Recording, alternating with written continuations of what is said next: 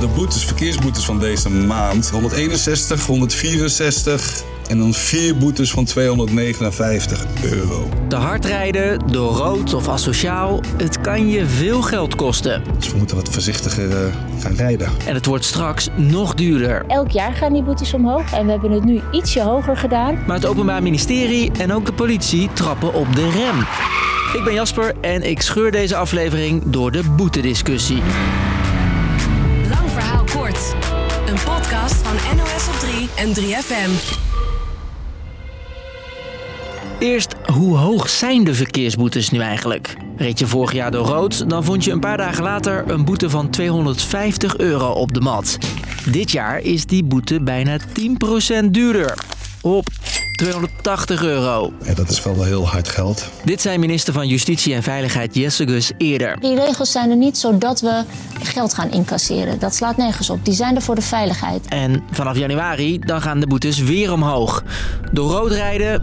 Oh, niet doen, niet doen! 300 euro. Het is een instinker, maar je moet gewoon goed opletten. Onnodig links rijden... Nou ja, goed, dus dan rij je toch gauw iets te hard. Ook 300 euro. Bellen achter het stuur... Ja, telefoon vast. Dat kost je 420 euro. Ja, telefoon rechterhand.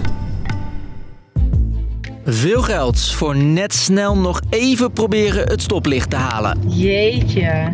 Wat een gek. Vindt ook het Openbaar Ministerie. Zij willen dat de politiek nog eens goed naar de bedragen kijkt.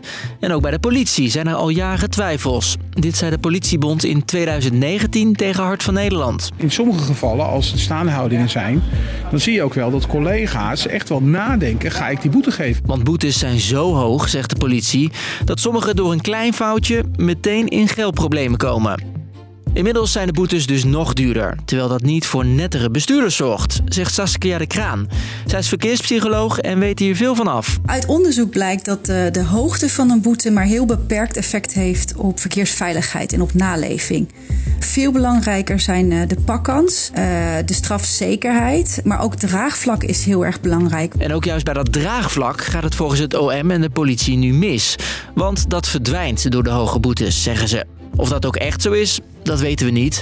Daar is nog geen onderzoek naar gedaan. Maar Saskia snapt de zorgen. Mensen zijn meer geneigd om regels te volgen als ze er het nut van inzien. En ja, als dit inderdaad de draagvlak beschadigt, beschadigt het eigenlijk de effectiviteit van verkeershandhaving. Wil je dat de boel veiliger wordt, dan kun je volgens haar veel beter naar de pakkans kijken. Dat is de aller, aller, allergrootste factor in verkeershandhaving. Mensen moeten echt het gevoel hebben: als ik de regels overtreed, is er een goede kans dat ik een boete op de mat krijg. En er speelt nog iets. De politiek gaat over de prijs van boetes voor overtredingen, zoals te hard rijden. Het OM gaat over boetes bij misdrijven, mishandeling bijvoorbeeld. En die bedragen komen nu steeds dichter bij elkaar. Het OM wil daarom dat de politiek checkt of de verhoudingen nog wel kloppen. Toch is demissionair minister Jesse Gus niet van plan om de verhogingen te schrappen. Uh, die zullen wel zo blijven. Elk jaar worden de boetes opnieuw geïndexeerd, verhoogd. Want ook de boetes groeien mee met de inflatie. En deze keer doet het kabinet daar nog eens zo'n 4% extra bovenop. Totaal niet ideaal, absoluut niet. Maar volgens de demissionair minister kan het niet anders. Ik had de keuze, ga ik bezuinigen bij de politie, bij het Openbaar Ministerie, bij preventie, bij jongeren. Of ga ik het uh, in de boete stoppen? Dus ik heb daarvoor gekozen. En tegelijkertijd zegt ze ook... Laten we het even niet hier het gesprek hebben alsof het normaal is dat mensen te hard rijden in een woonwijk. Of dat het oké is dat je door rood rijdt. Dus per definitie doe dat gewoon niet. Maar door al die verhogingen is een boete voor een flitspaal slopen nu dus bijna lager dan een hard langs rijden. Dat daar een betere balans in kan, dat vind ik ook. En dus gaat de politiek daar met het OM naar kijken. Waarschijnlijk wel pas na de verkiezingen.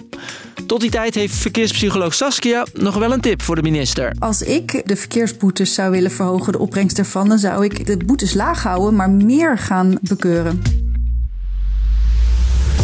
Dus lang verhaal kort. De minister, het OM en de politie zijn het niet eens over de verkeersboetes. Die worden steeds duurder vanwege de inflatie, maar ook zodat het kabinet snel meer geld verdient. En dat is volgens de demissionair minister nu echt even nodig. Of het daardoor ook veiliger wordt op de weg? Eikel. Nou, dat is toch vreselijk? Waarschijnlijk niet. Was hem weer. Ik scheur er snel vandoor. Ik bedoel, ik ga er nu ook rustig vandoor. Elke werkdag rond 5 uur, dan is er weer een nieuwe podcast. En uh, vergeet je niet te abonneren, want dan staat de nieuwe aflevering automatisch in je app. Doei! 3FM. Podcast.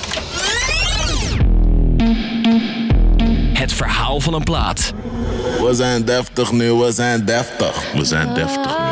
Zoals je het nog nooit hebt gehoord. It's the song that changed my life. In Sporen ontleden we de nummers van Naas, Willem, Jiggy J, Sophie Straat, Atje en Winne samen met de artiesten en hoor je de verhalen achter hun muziek. Check de podcast Sporen in de NPO Luister app.